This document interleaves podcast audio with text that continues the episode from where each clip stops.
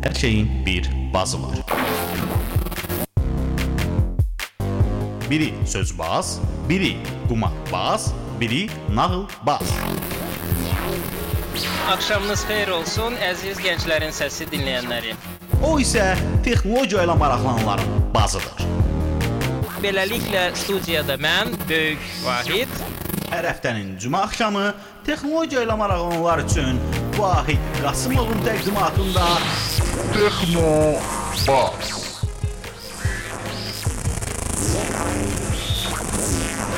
Texnologiya ilə bağlı hər şey. Texnobazda.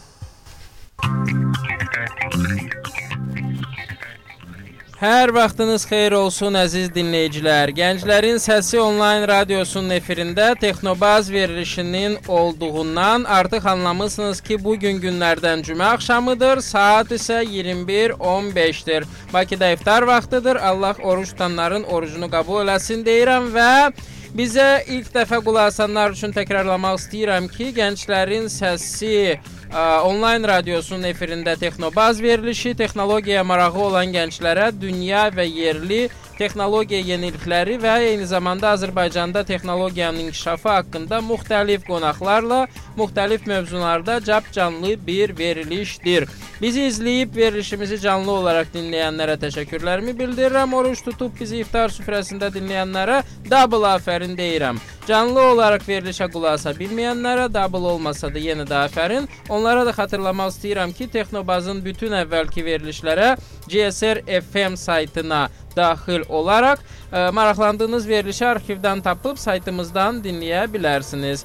Sizi ə, sizə böyük sevinclə xəbər vermək istəyirəm ki, Texnobaz verilişi tam 40 həftədir ki, efirdədir artıq. Sizinlə bu qədər vaxt birlikdə olduğumuz üçün xoşbəxtlik hissləri keçirərək ə, bizdən biraz dincəlməyiniz üçün fürsət verib yay tətili elan etmək istəyirik.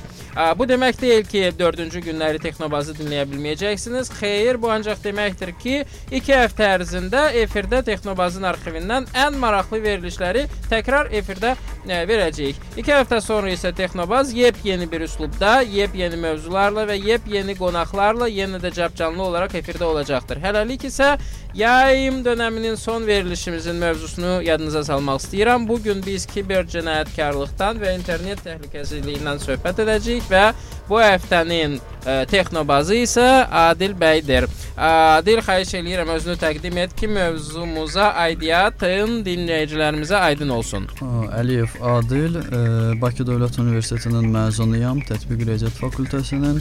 Hazırda e, NIT şirkətinin layihə meneceriyəm. E, həmçinin e, Azərbaycan Respublikası Prezidenti yanında Dövlət İdarəçilik Akademiyasında kompüter təhlükəsizliyi üzrə magistr təhsili alıram. Aha. Onda e, təhlükəsizlik haqqında bu gün bir balaca e, geniş bir şəkildə danışaq. Ümumiyyətlə bu kompüter təhlükəsizliyi nədir? Hansı təhlükələr mövcuddur və e, onlar necə əmələ gəlir? Aha. Ə, kompüter təhlükəsizliyi dedikdə ə, əsas 3 prinsip nəzərdə tutulur. Ə, tamlıq, konfidensiallıq və əlçatanlıq. Aha. Ə, əlçatanlıq dedikdə nə nəzərdə tutulur? Yəni informasiya sistemi ə, onda olan məlumata çatmaq üçün, onu əldə etmək üçün ə, ə, düzgün işləməlidir. Yəni bu ə, informasiya təhlükəsinin əlçatanlığını təmin etməlidir. Yəni qısaca bizə kompüterdən hansı məlumat lazımdırsa, onu da orada tapmalıyıq. Bəli, Vaxtı vaxtında. bəli. Ə, onun təhlükəsizliyə nə dəxlisi var? Bu təhlükəsizliyin prinsiplərindən biridir. Yəni ə, təhlükəsizlik dedikdə ə, çox insanlar ə, elə başa düşür ki, yalnız hakerlər, hakerlərlə mübarizə və s. bununla bağlıdır yalnız təhlükəsizlik. Xeyr, təhlükəsizliyin dediyim kimi 3 prinsipi var. Ə, Əl çatmazlığı başa düşdük, əl Bəli. çatarlığı. Sonra. ə, konfidensiallıq, yəni konfidensial məlumat qorunmalıdır. Mhm. Tamlıq Tamlıq. Ə, Bu da maraqlı prinsiplərdən biridir. Ə, tamlıq dedikdə, yəni təhriflərdən informasiya sistemi məlumatı təhriflərdən qorumalıdır. Yəni ə, sadə bir misal göstərim. Məsələn, tez-tez görürük ə, saytlar dağıdılır. Onlar adətən nə edirlər? Üst səhifəsini dəyişirlər, yəni dəfə istəyirik buna. Beləliklə tamlıq pozulmuş olur. Yox, tamlıq ə, pozulmur. Yəni saytı dəfəs eləyir belə desək. Amma ə, ola bilər ki, məsələn, heç biz ə, fərqinə varmırıq. Hansısa məlumatlarda müəyyən təhriflər eləyirlər, kiçik. Heç xəbərimiz olmur. Lakin o məlumatları oxuyanda fikir artıq başqa yerə yönəlir. Məsələn, bizim Qarabağ problemimiz var, onunla bağlı müəyyən internet resurslarımız var. Hı -hı. Düşmənlərimiz orada hansı bir müəyyən informasiyaların, müəyyən hissələrini dəyişə bilər. Xarici jurnalist orada məlumat oxuyanda ə, tamam başqa cür başa düşə bilər. Yəni bu tamlıq prinsipi qorunmaması deməkdir. Hı -hı. Ə, Bu ə, təhlükəsizlik dedikdə biz ancaq internet saytları nəzərdə tuturuq, yoxsa Xeyr. ümumiyyətlə nəsə başqa sistemlər də var, qorunmağa sistemləri. ehtiyacı var. Ümumiyyətlə istənilən informasiya sisteminin təhlükəsizlik problemi var. Təhlükəsizliyi qorunmalıdır. Məsəl üçün bunlar hansı sistemlərdir? Bank sistemlərindən başqa onu bilirik. Hakerlər ə, girirlər, pulları oğurlayırlar. Məsəl üçün ə, hamıya tanış olsun deyə ə, bizim pasport sistemi, şəxsiyyət vəsiqəsi sistemi, yəni Hı -hı. belə desək rəsmi də olaraq giriş-çıxış və qeydiyyat İAMAS idarələr arası məlumat axtarış sistemi. Hı -hı. Yəni biz şəxsiyyət vəsiqəsi alırıq. Bizim haqqımızda anket məlumatları o sistemə daxil olur. daxil olur. Biz bizim fərdi məlumatlarımızdır. Bəli. Pasport alırıq, yenə eyni zamanda biz ə, sərhəd Orada mənfi bir məlumat yoxdur axı. Onlar onsuz da hər kəsə bilinən məlumatlardır, yəni. ə, yox var. Mən boyumu və ya gözümün rəngi gizlədisi deyiləm. Ə, Bu fərdi məlumatlardır. Hı -hı. Ə, Yəni yəqin ki, hər kəs istəmir onun bütün fərdi məlumatları açıq. Amma olsun. yenə də hansısa iş yerinə getdiyimiz vaxtı biznes mərkəzində məsəl pasportu çıxardıb oradakı adama təqdim edirik və o da orada durur. Əgər ona lazım olsa, hamısının ksenokopiyasını çıxardar, bütün məlumatlara Bəli, sahib yəni o olar. şəxsiyyət vəsiqəsini vermək, sizin o fərdi məlumatları onlara təqdim eləməkdir. Yəni bunu siz təqdim eləyə də bilərsiniz, eləməyə də bilərsiniz. Onsuz məni buraxmayacaqlar. Hı, O artıq. Və ən azı bankda hansısa əməliyyat eləyirsənsə və ya tutalım ki, sim kart alırsansa, Bəli. nömrə alırsansa, yenə də onu verirsən, Bəli, siz- ksenokopiyasını çıxardırlar. Bəli. Yəni o məlumatın bir o qədər də e, təhlükəsizliyi yoxdur deyə bilərəm və ya məfiliyi yoxdur ən azından. Ə, deməli həmin bank o fərdi məlumatları qorumalıdır. Fərdi məlumatlar haqqında qanuna əsasən. Ə, o dediyim sistemdə, YAMA sistemdə məxfi məlumatlar da var. Məsələn, sərhəd keçməyə məhdudiyyət. Mhm. Məsələn, ə, bir çox orqanlar, MTN, prokurorluq, Daxili İşlər Nazirliyi və digər orqanlar ora məhdudiyyət qoya bilər. Bu məhdudiyyət siyahılarının özü məxfi məlumatdır. Um, Okay, aydındır. Ə, Başqa bir balaca belə daha əlçatan sistem var, hansından ki hər kəs istifadə eləyir ki, bilsinlər. Məsəl üçün mən hələ də bu şeyi hiss eləyə bilmədim. A, məsələn, ə, bir neçə ay bundan əvvəl ə, Dövlət Yol Polisinin saytında bir elektron xidmət fəaliyyətə başlayıb, Mhm. sürücülük vəsiqəsinin nömrəsini daxil edib cərimələrimizi görə bilirik. Bəli. Ha burada heç bir autentifikasiya yoxdur. Yo, Açıq orada bir iki kanalla dənə də gedir. sual verir. Orada soruşur ad günün nədir və ya nə bilim başqa Yəni belə bir şey də var. Açıq məlumatlardır da. Okay. Lakin məsələn mən istəmirəm mənim cərimələrim haqqında kimsə məlumat əldə edə bilsin. Niyə? Yəni bunun nə kimi ziyanı ola bilər? Şəxsi prinsipim. Yəni məsəl üçün mən sənin maşınını alası olsam əgər, mən Aha. bilmək istəyirəm ki, son 1 il ərzində sən avar eləmisən, eləməmisən. Ə, mənim ə, yəni məlumat kimi deyim ki, heç bir cəriməm olmayıb indiyə kimi. Hə, aydındır, aydındır. Yəni Kadir bəyin maşınını almaq istəsəniz, ə, cəriməsi belə olmayıb. Ona görə də maşının tərtəmizdir. Ə, bu reklam idi. Ə, hərçənd ə, bizim informasiya təhlükəsizliyimizə ə, qaydası olsaq, əslində biz belə deyək də, mən şəxsən özüm ə, informasiyanın tam şəffaflığının tərəfdarıyam. Yəni ki, heç bir məlumat məxfi olmamalıdır əslində. Yəni bu dəqiqə informasiya cəmiyyətində yaşayırıq. Ona görə hər kəsin bütün informasiyalara, ə, yəni əl çatmazlıq, əl çat çat- çatanlıq prinsipinə görə informasiya əl çatan olmalıdır. Hər bir informasiyanı əldə etmək ə, mümkün olmalıdır əslində ki, belə bir qanun da var prinsipcə. Ona görə internetdə bütün hər şeyi gizlətməyin heç bir mənası yoxdur. Onsuz da nə vaxtsa aşkar ə, olunacaqdır. Ə, bu prinsipdən yola çıxaraq əgər hə hərəkət edəsi olsaq, yəni bu daha yaxşı olmazdı ki, bütün informasiyanı açıq eləyək ki, heç kimin hansısa məlumatı sındırmağa və ya hansı sistemi sındırmağa ehtiyacı olmasın. Bütün məlumat dedikdə məsələn ə, elektron məktubları da Olsun lap elektron məktublarında güya nə yazırıq ki?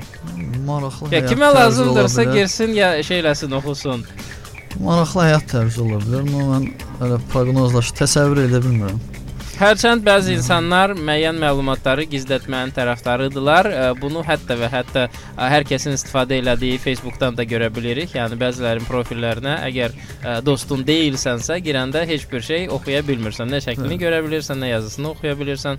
Yəni burada məlumat təhlükəsizliyindən söhbət gedə bilər. Məsələn, mən onu gözləyirdim ki, Facebook kimi bir sistemin misalı gətirəsən ki, hər kəs başa düşsün.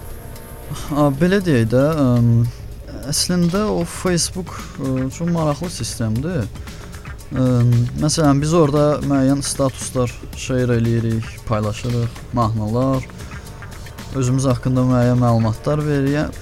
Bunları analiz eləməklə bizim ə, müəyyən psixoloji portretimizi çəkmək olar. Ə, məsələn, bir ölkənin bütün Facebook istifadəçilərinin ə, bu cür an, ə, məlumatlarını analiz eləməklə o ölkənin müəyyən hmm, psixoloji profillərini düzəltmək olar. Bu, da o yaxınlarda onsuz da belə bir şey elan olunmuşdur ki, bəli, Facebookda hansısa analitik toollar mm, yazılıb ki, hər bir istifadəçinin artıq bir çox bəlkə də gizlətdiyi şeyi ortaya çıxartsın məsələn. Bəli. Sırf onun hansı məlumatlarla, hansı növ şəkillərə baxır və ya hansı növ məlumatları oxuyur və s.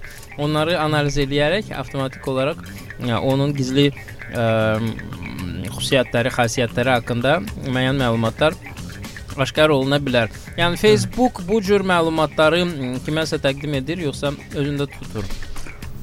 O əlimizdə faktı yoxdur, amma ki xəbərlərdə oxuduq, ə, məsələn, bir neçə həftə əvvəl o Prism proyekti barədə sonra ə, yəni məntiqlə fikirləşəndə yəqin ki, kiməsə təqdim edir. Hı -hı. Amma faktımız yoxdur da. Yəni gözümüz Pulla təqdim edir, yoxsa məcbur eləyirlər ki, bunu bizə verəcəksən? Gözümüzün qabağında kiməsə təqdim eləməyiblər. Ona görə bir söz demək. Sübut etmək olmur. Bəli. Bəs yaxşı, bunları bilə-bilə, yəni bu cür sistemlərə öz məlumatlarımızı ə, etibar etmək nə dərəcədə düzgündür? Yəni mən tutalım ki, təhlükəsizlik xəstəsiyəmsə, mənim Facebookun profilim olmamalıdırmı? Belə düşünənlər var. Ə, məsələn, mən şəxsən ə, müəyyən məlumatları orada paylaşmışam. Mən bu mənim üçün məxfi deyil. Hı -hı. Amma mənim ə, konfranslarda müəyyən insanlarla görüşürük təhlükəsizliklə bağlı. Yəni, çox maraqlıdır onlar barədə internetdə bir search eləyəndə heç bir şey çıxmır. Uzaq başa ACM-in Digital Library-sində hansı elmi məqaləsi -hı. Onlar prinsipial olaraq Facebook, LinkedIn və s. bu sistemlərdən istifadə etmirlər. Yəni bu cür insanlar üçün hansısa xüsusi sistemlər mövcuddurmu ki, orada yüksək təhlükəsizlik ə, tədbirləri görülsün ki, o insanlar özlərini orada nisbətən rahat hiss eləsinlər. Yoxsa ümumiyyətlə heç bir sistemdə iştirak eləmirlər. Məlumatım yoxdur, amma o mənim o tanıdığım insanlar heç bir o sosial şəbəkələrdən istifadə etmirlər. Yəni bu professional xüsusiyyətdir, yoxsa bir psixoloji xəstəlikdir, Mən- paranoya kimi? Mənə elə gəlir psixoloji məsələdir. Aha, yəni ki bizim ə, dinləyicilərimizə deyə bilərik ki, əslində bu da qədər dərinliyə getməyə ehtiyac yoxdur. Əgər ə, Facebook kimi yayılmış və və ya tutalım ki, Adnoklassniki yayılmış sistem varsa ə, və Azərbaycan əhalisinin ola bilsin ki, 5də 1-i orada mövcuddursa, yəni o 5də 1-in içərisində ə, bir yer tutmanın o qədər də böyük bir problemi olmaz. Təbii, ə, bir də bir pis xəbər də verim dinləyicilərə. Yəni Facebookdan sosial şəbəkələrdən istifadə eləməsələr belə, onlar haqqında məlumat lazım olsa tapmaq olur. Aha, yəni ki istifadə deyil, bilərsiniz. Məlumat onsuz da lazımlı olan yerlərdə mövcuddur. Yəni, Sosial şəbəkələr yəni, buna ə, çox bir şey əlavə elə bilməyəcəklər. Yaxşı, təhlükəsizlik mövzusuna ə, biraz qayıdaq. Ə, bir istifadəçi internetdən istifadə edərkən ə, belə deyək də o deyirlər ha, qaşınmasan qaşımazlar. Yəni ə, nə etməliyik ki, nisbətən qoruna bilək? Aha, çox düzgün qeyd elədiniz, ə, nisbətən. Çünki nəzəriyyədə də 100%li təhlükəsizlik anlayışı yoxdur. Çünki ə, bütün bu proseslərdə insan faktoru iştirak edir. Mhm. Lakin müəyyən ə, qaydalar var. Onlara riayət etməklə ə, təhlükəsizliyi ə, nisbətən ə, belə deyək, ə, artırmaq olar. Məsəl üçün. E, məsəl üçün ə, Windows istifadəçiləri daha çox ehtiyatlı olmalıdırlar. Ə, Vaxtı-vaxtında antiviruslarını yeniləsinlər, o parollarını tanımadıkları yerlərə yazmasınlar. Sonra bir çox istifadəçilər ə, ə, o cümlədən hətta təhlükəsizlik peşəkarları ki, belə var ki, məsələn, eyni paroldan bir çox yerlərdə istifadə edirlər. Hə. Yəni onların parolundan ə, bir digərdən əldə eləməklə bütün ə, hesablarını ələ keçirmək mümkündür. Nə gözəl. Yəni bu ə, ancaq virus məsələsi Windows üçünmü keçərlidir? Yəni çünki 2 dənə görüş var. Bir tərəfdən deyirlər ki, məsələn, Android sistemlərində virus yoxdur.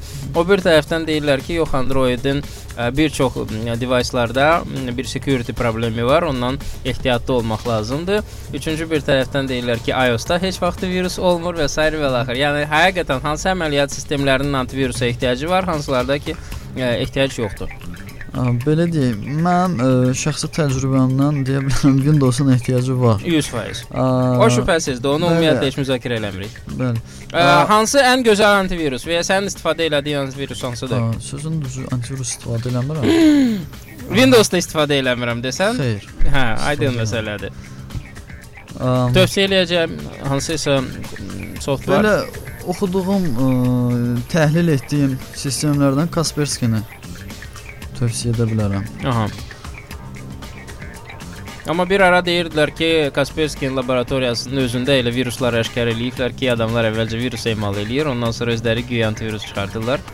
Ə, o sözlər əslində şayiədir, Mhm. amma heç kim demir ki, belə də deyil. O o sübutumuz da yox. Nəysə, onda gözü yumulu Kaspersky-dən istifadə eləyək. Bəli. Allah kərimdir. Bir də müəyyən ə, ə, qaydalar var. Ə, tutalım tanımadığımız mailləri oxumaq məsləhət deyil. Məsələn, phishing bu dəqiqə çox məşhurdur. O nə Ə, deməkdir? phishing nədir? Ə, sizə qəflətən bir mail gəlir Aha. ki, məsələn, mən filan Afrika ölkəsində ə, adı məlum olmayan bir ölkənin, adı məlum olmayan bir padşahının ya kralının Mhm. oğluyam, atam rəhmətə gedib, milyardlarım var. Mhm. Onu bir hissəsi mənə lazımdır. Gəl sənin hesabına per, e, köçürüm və s. Bu tip e, maillər gəlir Aha. və oradan e, sizdən sui-istifadə edirlər sizin o müəyyən biliksizliyinizdən. Məsələn, orada sizin parolunuzu soruşa bilər, ya müəyyən məlumatları soruşa bilər. Bu bir tip. Digər tipləri məsələn sizə bir qəşəng mail gəlir. Məsələn, e, qızlara gəlir bir e, açıqca mahnılar gəlir, deyir ki, bunu açmaq üçün bu linka tıklayın. Mhm. O linka tıklayanda açılır məsələn siz Gmail istifadə edirsə, elə Gmail oxşar bir yenə səhifə açılır, amma Mhm. əslində Gmail deyil. Mhm. Ə, təcrübəsiz istifadəçilər ə, elə düşünür ki, hansısa bir problem baş verdi, mən log off oldum. Mhm. Sistemdən sonra yenə login olmaq istəyir, istifadəçi də o parolunu yazır və ə, həmin parol artıq Phishing məhz bəli. budur. Yəni Phishing ki, hansısa səhifəyə oxşar saxta səhifə Bəli. yaradırlar və orada öz parolunuzu dəstən də daxil edirsiniz. Bəli. Beləliklə sizi balıq kimi tutmuş olurlar, yəni Bəli. sizin parolunuzu oğurlamış olurlar. Elə Hə. adı da buradan götürülür. Hə. Ə, əvvəlki misal isə o nə idi? Nə deyirlər ona? Mar Marokko şeyləri idi, məktublarıdır. Onları sadəcə sadəcə Marokkodan deyil, çox müxtəlif ölkələrdən artıq göndərməyə başlayıblar. Hətta və hətta Google Translate-dən istifadə edərək artıq məktubları Azərbaycan dilində belə Bəli, Göstər- göndərirlər. mətnləri gəlir son vaxtlar. Onlar ə, həqiqətən də hamısı saxtadır? Ola bilməz ki, həqiqətən də hardasa bir, nə bilim, bir zəngin insan olsun və Yaxşı ideyadır. Ara bir yoxlamaq lazımdır bəlkə biz də zənginləşdik. Aha. Arada bir hə yoxlamaq lazımdır çünki yəni bu mövzudan kənar bir şeydir. Avropada bir şirkət belə bir ə, ə, marketinq ka kampaniyası keçirmişdi. Və göndərmişlər milyonlarla belə məktublar. Ən son cəmi bir nəfər ona cavab verdi və həmin bir nəfəri də necə deyirlər mükafatlandırıblar çox gözəl bir şəkildə. Yəni ki, hər zaman bu belə saxta, təhlükəsizlik, təhlükəsiz şeylər olmaya bilər. Yəni çox saf insanları arada bir təsbit etmək məqsədi ilə belə marketinq kampaniyaları da keçirdirlər. Hə, Davam edirik. Deməli, ə, bilmədiyiniz mailləri açmaq olmaz. Windows və digər sistemli kompüterlərə antivirus yükləmək lazımdır. Ondan sonra şifrələri update eləmək lazımdır. Ha, update eləmək lazımdır sistemi. Şifrələri ə, belə deyək, ad günümüz və ya 1 2 3 4 5 6 qoymamaq Bəli, lazımdır. bəli. Arada bir dəyişdirmək lazımdır. Ə, yəni hələlik yadımda qalan bunlardır. Ə, bu gözəl məqamda biz gəl ə, balaca bir ə, musiqi pauzası verək, ondan sonra söhbətimizə davam edərik.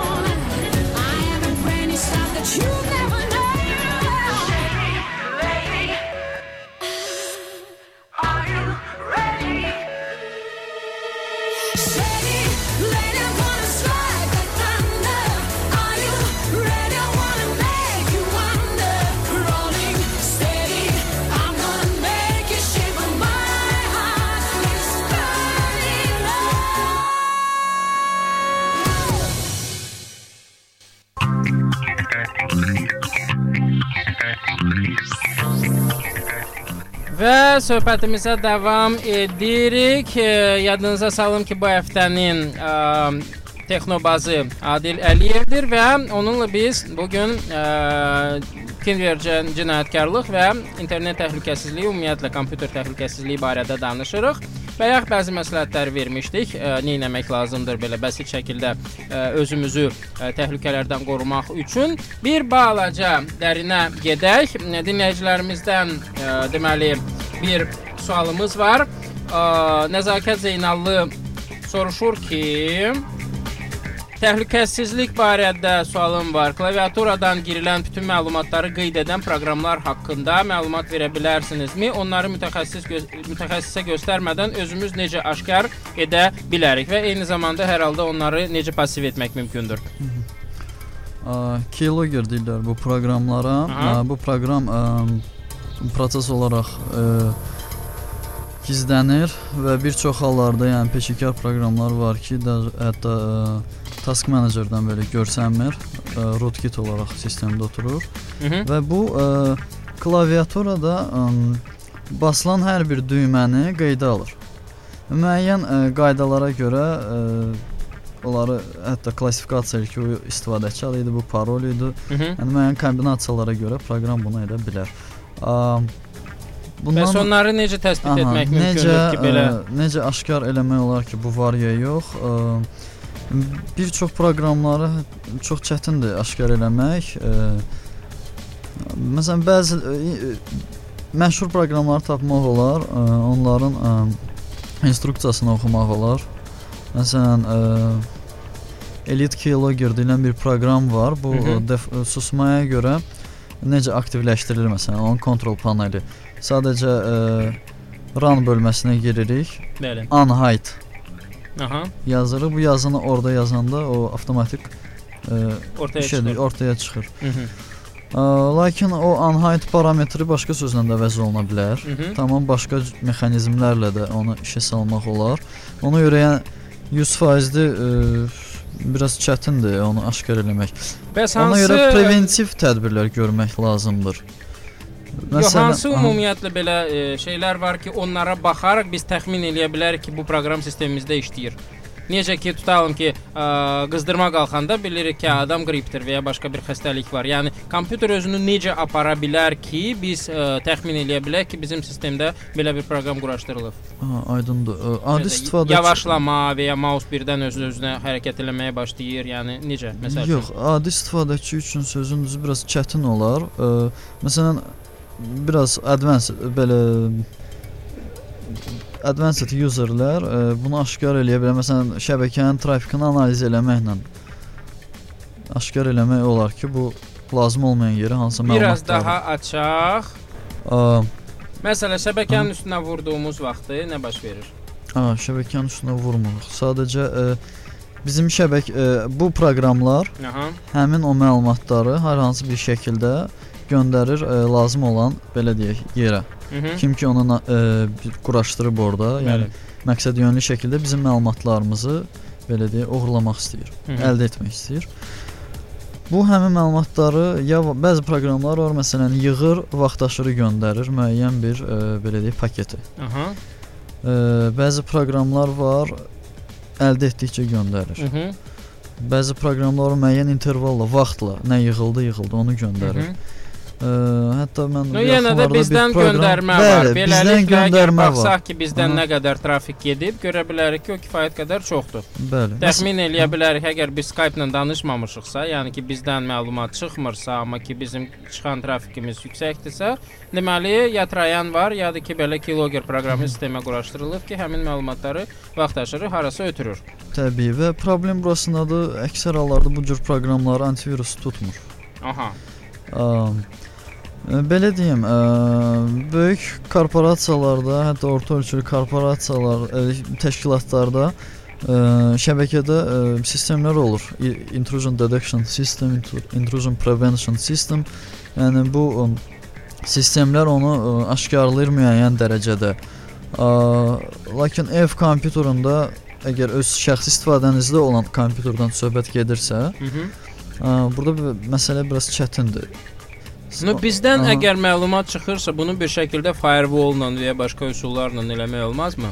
Əslində olar. Ə, sadəcə ə, firewall ə, adətən portlara görə, ə, yəni software firewalllar məsələn istifadə Mhm. etdiyimiz yəni məşhur Bəli. firewalllar, yəni Windows-un üstündə gələn firewall, Windows firewall ya Zone Alarm və s. Bunlar adətən portlar səviyyəsində bağlayır ki, Bəli. məsələn falan portdan məlumat keçməsin. Mhm. Amma bir çox hallarda bu proqramlar elə 80-ci portdan keçir. 80-ci portu biz bağlasaq, Ümumiyyətlə internet işləməyəcək. Mhm. Aydındır. Yaxşı. Onda ə, bu məsələni ə, bir kənara buraxaq. Ə, belə deyək də, nə etmək lazımdır? Yəni vaxt aşırı kompüterimizi mütəxəssisə mi aparmaq lazımdır, yoxsa nə bilim hər 3 aydan bir kompüter formatlamaq lazımdır ki, əmin olaq ki, bizim kompüterdə artıq belə bir sistem yoxdur. biraz qəliz sual oldu. Mhm. Ə, ə, əgər ə, düzgün kompüterə qulluq eləsək, ə, bəlkə də illərlə onu illərlə yox, bir bir neçə il formata ehtiyac olmaz. Mhm. Sadəcə bir neçə ildən sonra həmin Yox, əməliyyat yəni sistemi Kilogerdən qorunmaq məqsədi ilə. kilogerdən qorunmaq məqsədi Məsələn, ilə mən iş yerimdə yox ikən və ya evdə yox ikən gəlib bir 007 agenti taxıb ora bir dənə flash mənim kompüterimə belə bir şey yükləyib və bundan sonra mənim bütün yazdıqlarımı izləyir. ha 007 agenti başqa cürdə o məlumatı əldə edə bilər. Aydındır. yəni ki, biraz primitiv üsulda fikirləşək. Ə, belə deyim, ə, kompüterə ə, hər ə, kəsə etibar etmək lazım deyil.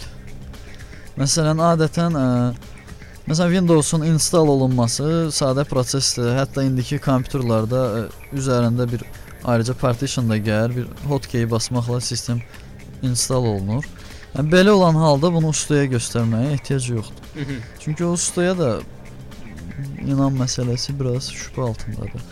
Ə, həmçinin ə, kompüterə hətta evdə istifadə edirsinizsə belə parol qoymaq məsləhətlidir. Mhm. Ə, ev kompüterını ə, işdə yaxud digər yerlərdə yiyəsiz qoymaq olmaz. Mhm.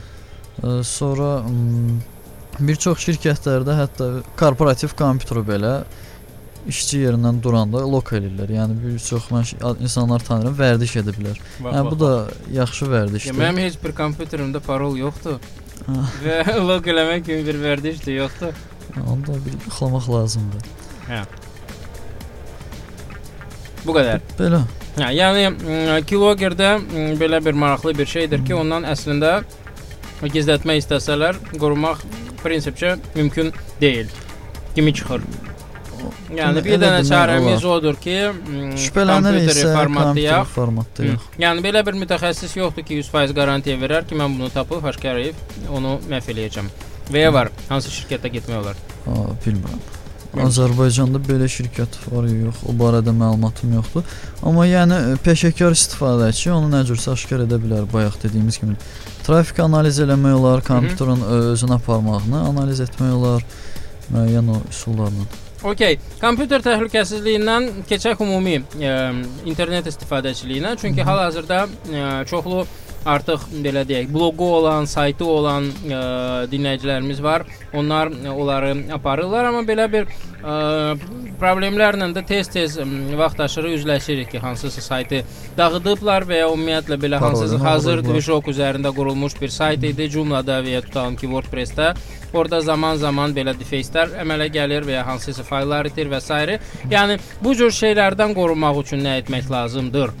Ə, belə deyək, o hazır ə, sistemlərin üzərində o qurulmuş ə, saytlardır, sonra onlarda tapılan məşhur baqlar və bu eksploiter və vasitəsilə bu məncə çox müzakirə olunub. Hı -hı. Ə, başqa bir məqamlar var, ə, hansı ki ə, buna çoxumuz diqqət etmirik və bu barədə son zamanlar bizim mediada danışmırlar.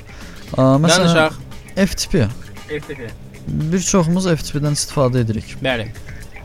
Ə, FTP ilə login olanda məlumat açıq formada gedir. Hı -hı. Yəni ə, ortada kimsə trafiki analiz eləsə, elə filtr qoysa FTP üzrə Hı -hı. username paroli görəcək açıq şəkildə. Yəni bunu harda da edə bilərlər? Providerdə mı edə bilərlər yoxsa Ə, belə deyək. hansısa ə, yoldan keçən sizin- monitör məsələn bizim telefon xəttimizə qoşulub onu telefon əldə edə xəttindən bilərmi? ə, bir balaca çətin olar. Hı -hı. Ə, amma sizin kompüterdən o serverə gedən bütün nodlar belə deyək, sizin kompüter məsələn bir çoxumuz ADSL istifadə edirik evdə. Hı -hı. ADSL modemə bizim kompüterdən gedir məlumat o modeldən gedir ATS-dəki Mhm. oradan sonra həmin provaydera yaxud arada da bir neçə avadanlıqdan keçir. Mhm. Sonra o provider super providera və s. və ilax. Yəni hər bir nodda onu qoymaq olar. Məsələn, ə, internet klubda internet klubun yiyəsi məsələn sadəcə elə Wireshark proqramını yükləyib oradan baxa bilər gedib gələn trafikə. Məsələn, bu açıq trafiklə gedirsə, yəni artıq problem burdan başlayır. Məsələn, mən internet klubdan gedib öz saytıma FTP vasitəsilə bir fayl yükləmək istəyirəm. İstənilən halda mən istifadəçi adı və parolumu oraya yazıram. Mhm. Yəni o internet klubun yiyəsinin orada onu görmə ehtimalı, ə, şansı 100%-dir. Yəni FTP-dən istifadə eləmək. Bəli. Ya da var. ehtiyatlı istifadə eləyək. Mən tövsiyə edirəm ümumiyyətlə istifadə olunmasını FTP-dən. Məsələn, SFTP var, Mhm. hansı ki SSH üzərindən ə, Şifrələyir məlumatları. Aha. Bəli, şifrələnmiş formada kanal yaranır və o kanalın üzərindən gedib gəlir. Ə, Sonra eyni problem var nədə? Məsələn, bir çoxları bir dənə domen alır, bir dənə hosting aldı, bağladı, ora WordPress ustanovka elədi, yüklədi.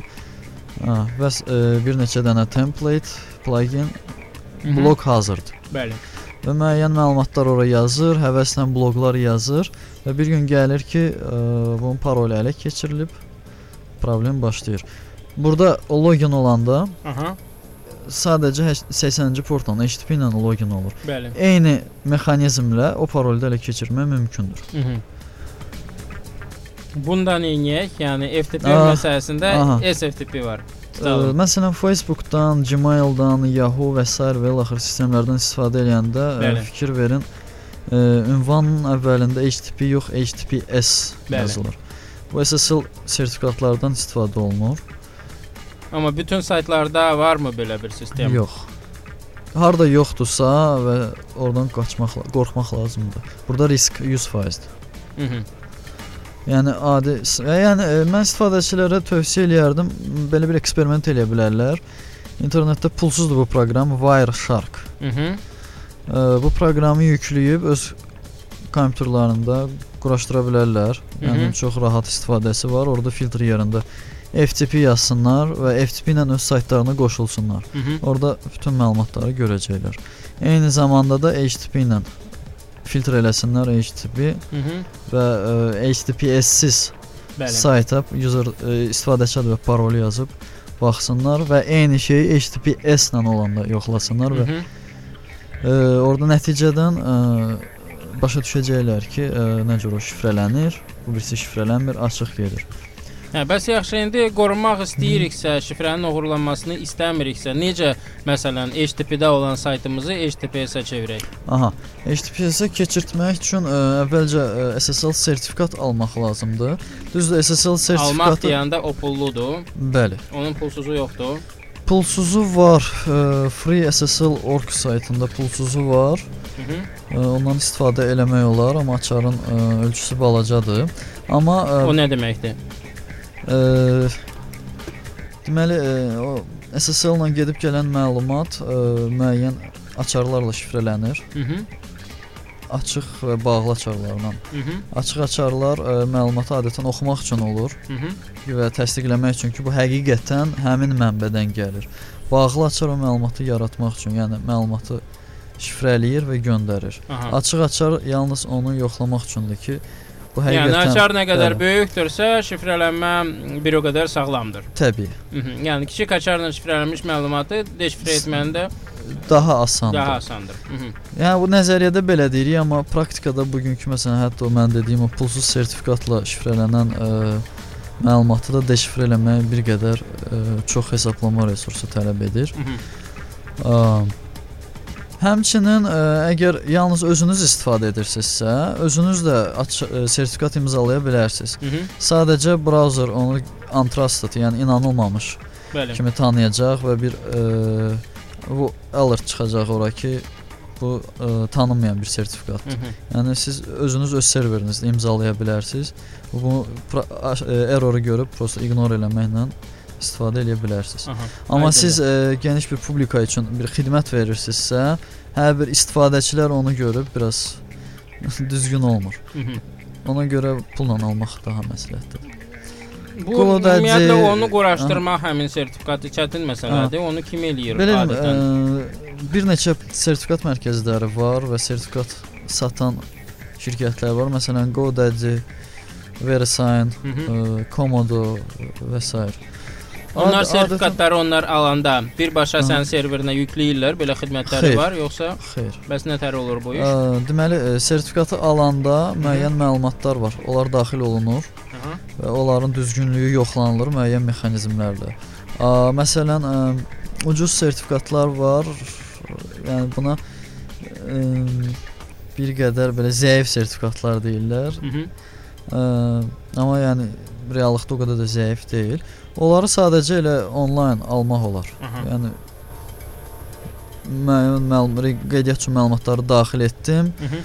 Ə, ödənişi elədim kredit kartımla hazır. Sonra o müəyyən sertifikatlar orada ins instruksiyalar adətən satan şirkətlər o instruksiyaları Apache üçün, ə, Apache Tomcat üçün, ə, LiteHTTP, Nginx və s.